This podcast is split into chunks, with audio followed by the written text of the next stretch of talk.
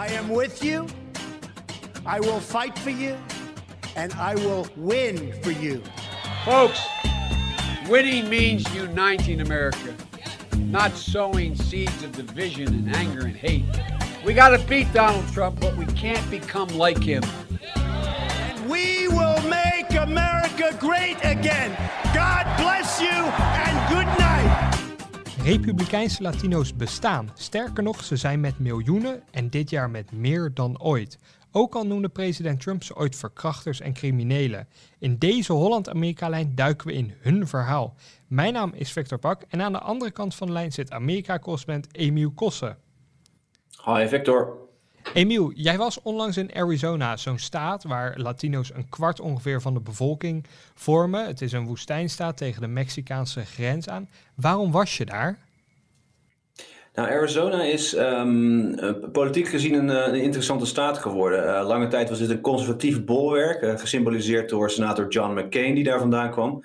Maar de afgelopen jaren um, is de staat linkser geworden, vooral door de instroom van heel veel jonge mensen uit staten als Californië. En um, ja, bij deze verkiezingen is Arizona een swing state. Uh, de Trump-campagne ziet de bui een beetje hangen en uh, probeert dus een, een, opvallende groep kiezers te trekken om, om toch te winnen in Arizona. En dat zijn de, de conservatieve Latino's. In 2016 moest Trump het hebben van een, een, witte achterban, niet per se hoog opgeleid. En kreeg hij ook wat, wat steun van de Latino's. Dit jaar probeert de Trump-campagne er echt vol op in te zetten, hè? Ja, want hij ziet dus in de peilingen, um, ziet de campagne van Trump dat hij achter staat, in staat als Arizona. En um, zij denken dat er genoeg uh, Latino's zijn met een conservatieve inslag die, um, die theoretisch zouden kunnen gaan stemmen. in uh, 2016 was iets minder dan een derde van de Latino's stem op Trump. En dit jaar kan het iets hoger uitvallen. En het kan zomaar het verschil betekenen. Je, je zei al, 25% van de kiezers in een staat als Arizona is Latino.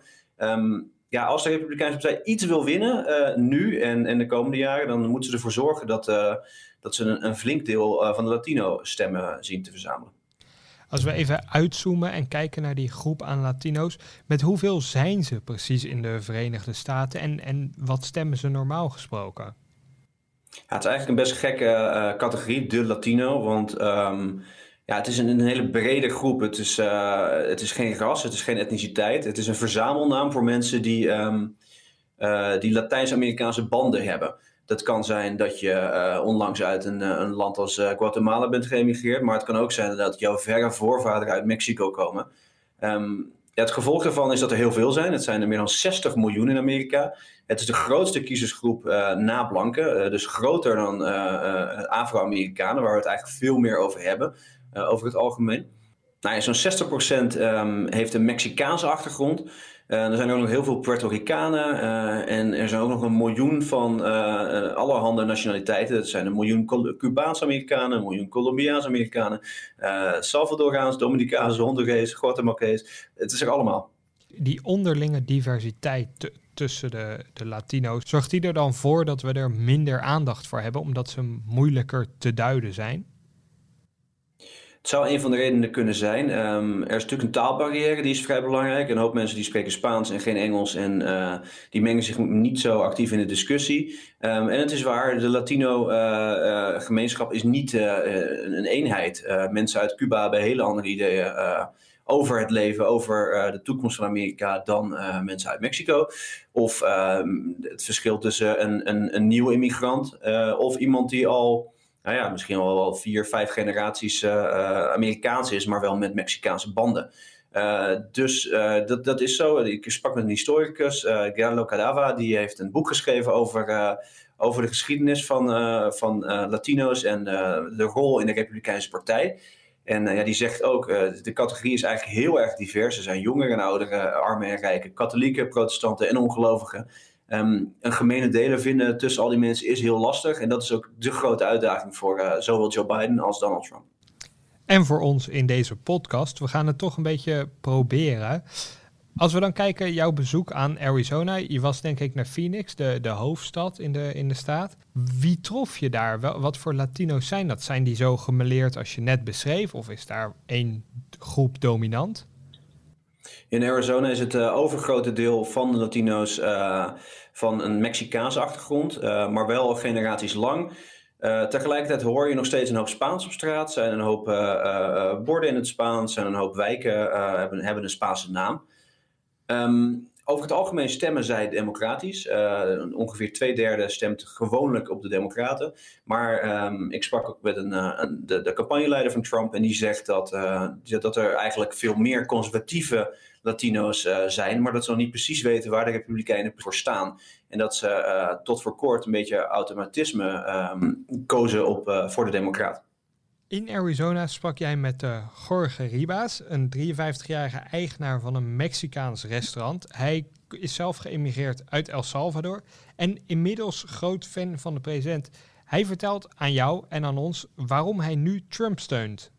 What attracted you to his campaign in the first place? He's not like your typical politician that is going around telling people what they want to hear. I know that I cannot compare myself to his status in the world because he's not only famous, he's a billionaire, but he has a deep love and appreciation for this country. And in my own way, I, I feel the same, but my, my, my love and appreciation comes from having the opportunity to live the American dream. You know, coming from, from the very bottom and, and moving up. Ja, Rivas ziet zichzelf um, als voorbeeld van um, uh, the American Dream. Hij, uh, hij, kwam naar Amerika arm. Hij uh, vond er zijn vrouw, een, een, vrouw uit Mexico, ook een immigrant. En samen startten zij een, een Mexicaans restaurant.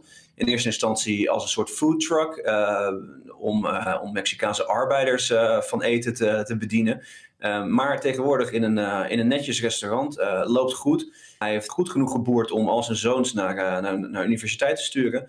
En um, eigenlijk heeft dat alles hem um, ja, optimistisch gemaakt over Amerika. En als hij naar de, de, de, de, politieke kandidaten kijkt, dan ziet hij Joe Biden die vrij pessimistisch is over het land, over de staat van het land. En, en Donald Trump die zegt dat, uh, dat Amerika number one is. En dat trekt hem eigenlijk uh, meer aan.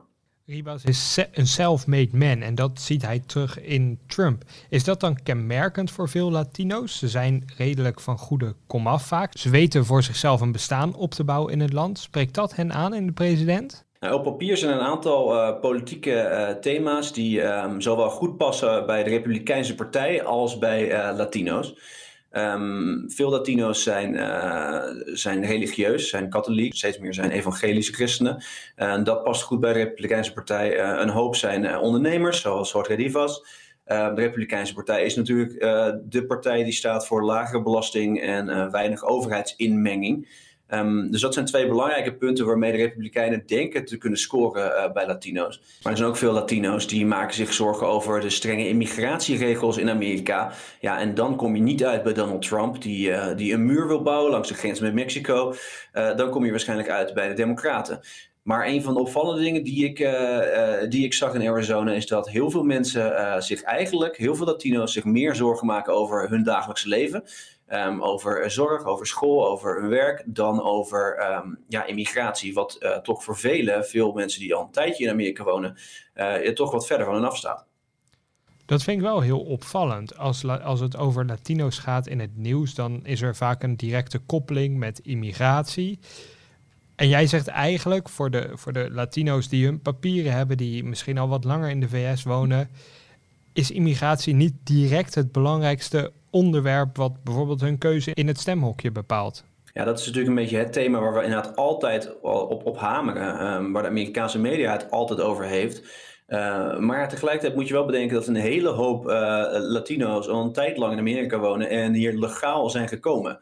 Uh, en dan moet je maar vanuit bijvoorbeeld Jorge Rivas zijn standpunt bekijken. Hij komt hier legaal heen en niks aantal jaar later komen heel veel mensen illegaal zijn land binnen. En dus zijn er een hoop Latino's die die legale immigratie steunen, maar illegale immigratie proberen tegen te spreken. Lucas waalt ervan dat Latino's automatisch als democraat worden gezien. Sterker nog, zijn hele restaurant hangt vol met prolaria van de president.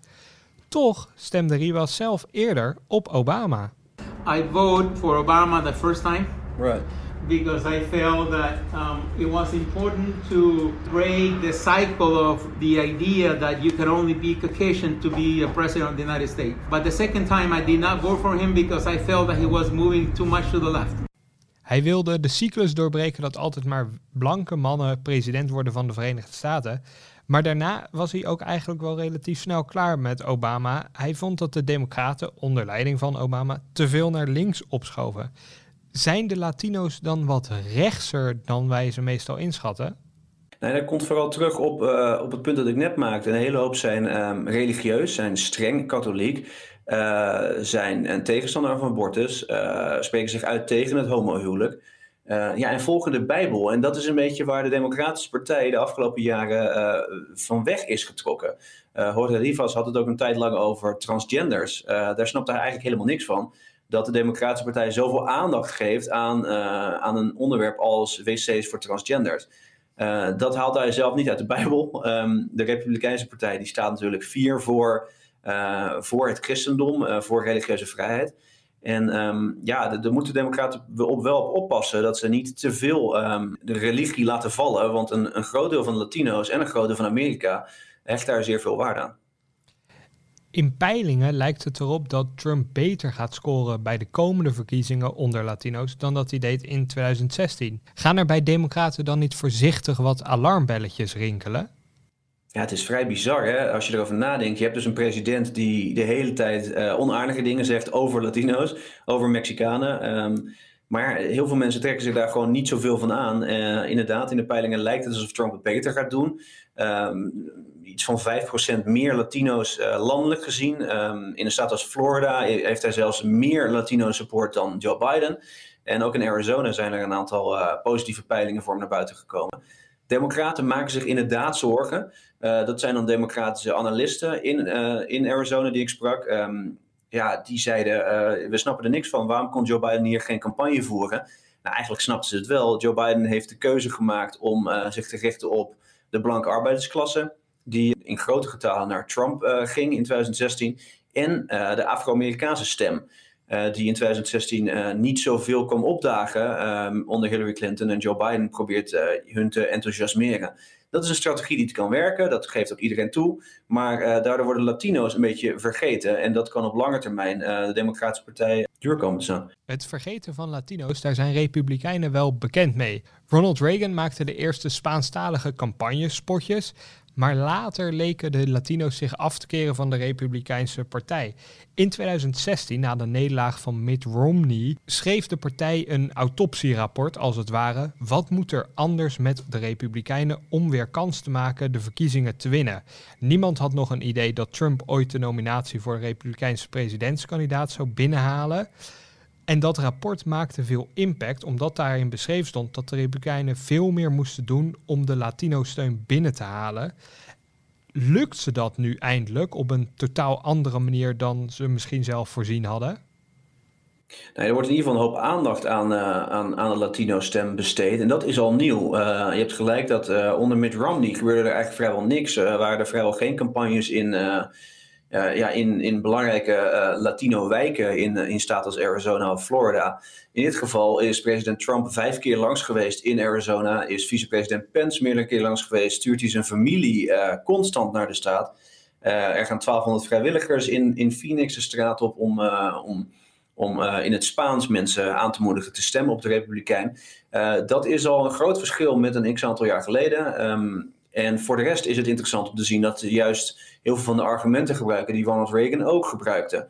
Uh, ze hebben het over families, ze hebben het over religie, ze hebben het over hard werken, ze hebben het over patriotisme. Um, en eigenlijk is de ideologie dus uh, in al die jaren niet zozeer veranderd. Het is meer dat, uh, dat de Republikeinse Partij in ieder geval lijkt door te hebben dat ze meer Latino's moeten gaan, gaan trekken. Nu onder Trump, maar ook de, komende, de komende jaren.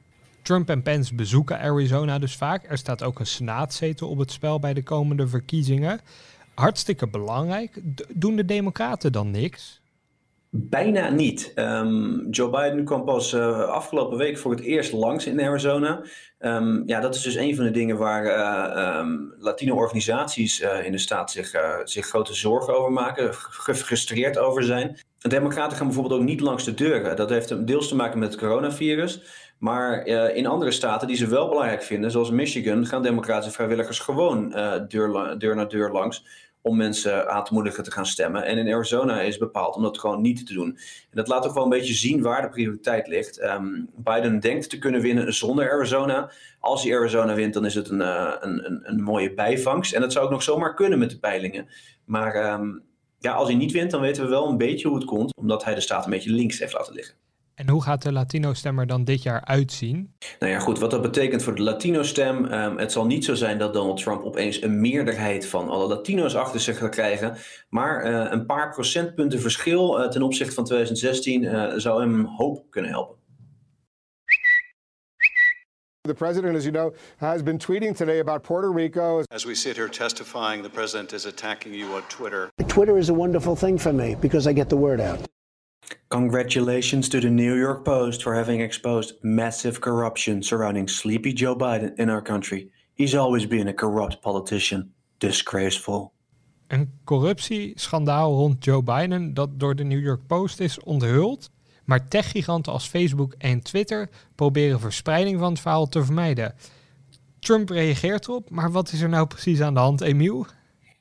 Nou, dit gaat terug naar um, Hunter Biden, uh, een van de zoons van Joe Biden. Um, die, uh, die zat een tijd lang in Oekraïne toen Joe Biden vicepresident was. Um, toen kreeg hij 50.000 dollar per maand uh, voor een, een positie, een, een adviseurspositie bij een omstreden Oekraïns energiebedrijf. Burisma. Nou ja, daar is al een tijd lang kritiek op geweest. Joe Biden hield lange tijd vol dat hij um, verder niks wist van die, um, uh, van die baan. Dat hij nooit sprak met Hunter Biden over Oekraïne. Maar nu kwamen er e-mails naar buiten, althans, um, daar lijkt het op. Waarin staat uh, dat Biden wel degelijk uh, een ontmoeting heeft gehad in Washington met iemand van dat energiebedrijf. Daar springen Republikeinen nu op. maar er zijn een hoop haken en ogen zitten daar aan vast. Die e-mails die werden aan de tabloid New York Post gegeven door Rudy Giuliani, um, uiteraard uh, iemand uh, van het team Trump. En uh, zoals je al zei, um, Twitter, Facebook, die konden, die konden die e-mails niet verifiëren. er zijn grote vraagtekens bij en daarom hebben ze ervoor gezorgd dat, dat die niet kunnen worden verspreid zonder een label eraan vast te maken dat, dat niet zeker is of dit allemaal wel klopt. Die vermeende ontmoeting, wat, hoe reageert Joe Biden daarop? Ja, Joe Biden heeft zelf daar niks over gezegd, maar zijn campagne uh, zegt dat het allemaal onzin is, dat er nooit een, een, een formele ontmoeting is geweest tussen Biden en een, uh, um, ja, een vertegenwoordiger van het Oekraïense uh, energiebedrijf. Dat hoeft ook niet zo goed, hoeft ook niet per se, want in die e-mail staat alleen maar: um, het, was, het was fijn om, om Joe Biden kort te, te ontmoeten. Dat is dus die e-mail van, van die Oekraïense man. Uh, ja, het zou theoretisch kunnen dat ze elkaar een handje hebben geschud en een kopje koffie hebben gedronken ergens. Uh, dat weten we natuurlijk allemaal niet. Um, maar eigenlijk belangrijk in deze kwestie, uh, in deze bredere kwestie, is dat de Republikeinen in de Senaat um, hier afgelopen jaar onderzoek naar hebben gedaan, diepgaand onderzoek naar hebben gedaan. En erop uitkwamen dat Joe Biden eigenlijk niks fout had gedaan.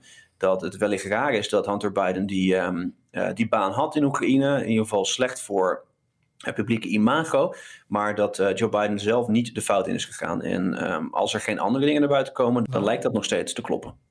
Waarom grijpt Trump en zijn campagne dit dan direct aan? Nou ja, drie weken voor de verkiezingen is het natuurlijk een, een prachtig moment voor de Trump-campagne om nieuwe twijfels te zaaien over um, Joe Biden, over zijn zoon, over mogelijke corruptie. Want ja, het ziet er allemaal uh, zo op het oog niet heel, uh, heel netjes uit. En um, ja, je weet al, als Trump zoiets gaat zeggen op Twitter, dat een, een deel van Amerika hem direct gelooft. En uh, Joe Biden daarmee in een, uh, in een kwaad daglicht stelt. En dan maakt het uiteindelijk misschien niet zo uit of het, of het allemaal klopt of niet. Ten slotte, dit lijkt een beetje op het Hillary Clinton e-mailschandaal, hè? Het heeft er wel iets van weg, ja. Um, het gaat dus ook over gelekte e-mails. Um, het gaat ook over zaken die vrij moeilijk te checken zijn, um, maar waar wel een, uh, een vervelende geur aan, uh, aan vastkleeft. En ja, de Trump-campagne, daar weet je eigenlijk al van dat die, uh, dat die dit proberen uit te buiten. hoeveel er ook van waar is, dat maakt er eigenlijk niet zoveel uit. Ze gaan hier op hameren. Net zoals bij Hillary Clinton in 2016. Duidelijk. Dit was de Holland-Amerika-lijn alweer voor deze week. Gelukkig zijn we volgende week natuurlijk terug. Hartelijk dank voor het luisteren voor nu. En wilt u die volgende aflevering nou automatisch ontvangen? Vergeet u dan niet te abonneren in uw favoriete podcastkanaal. Graag tot dan.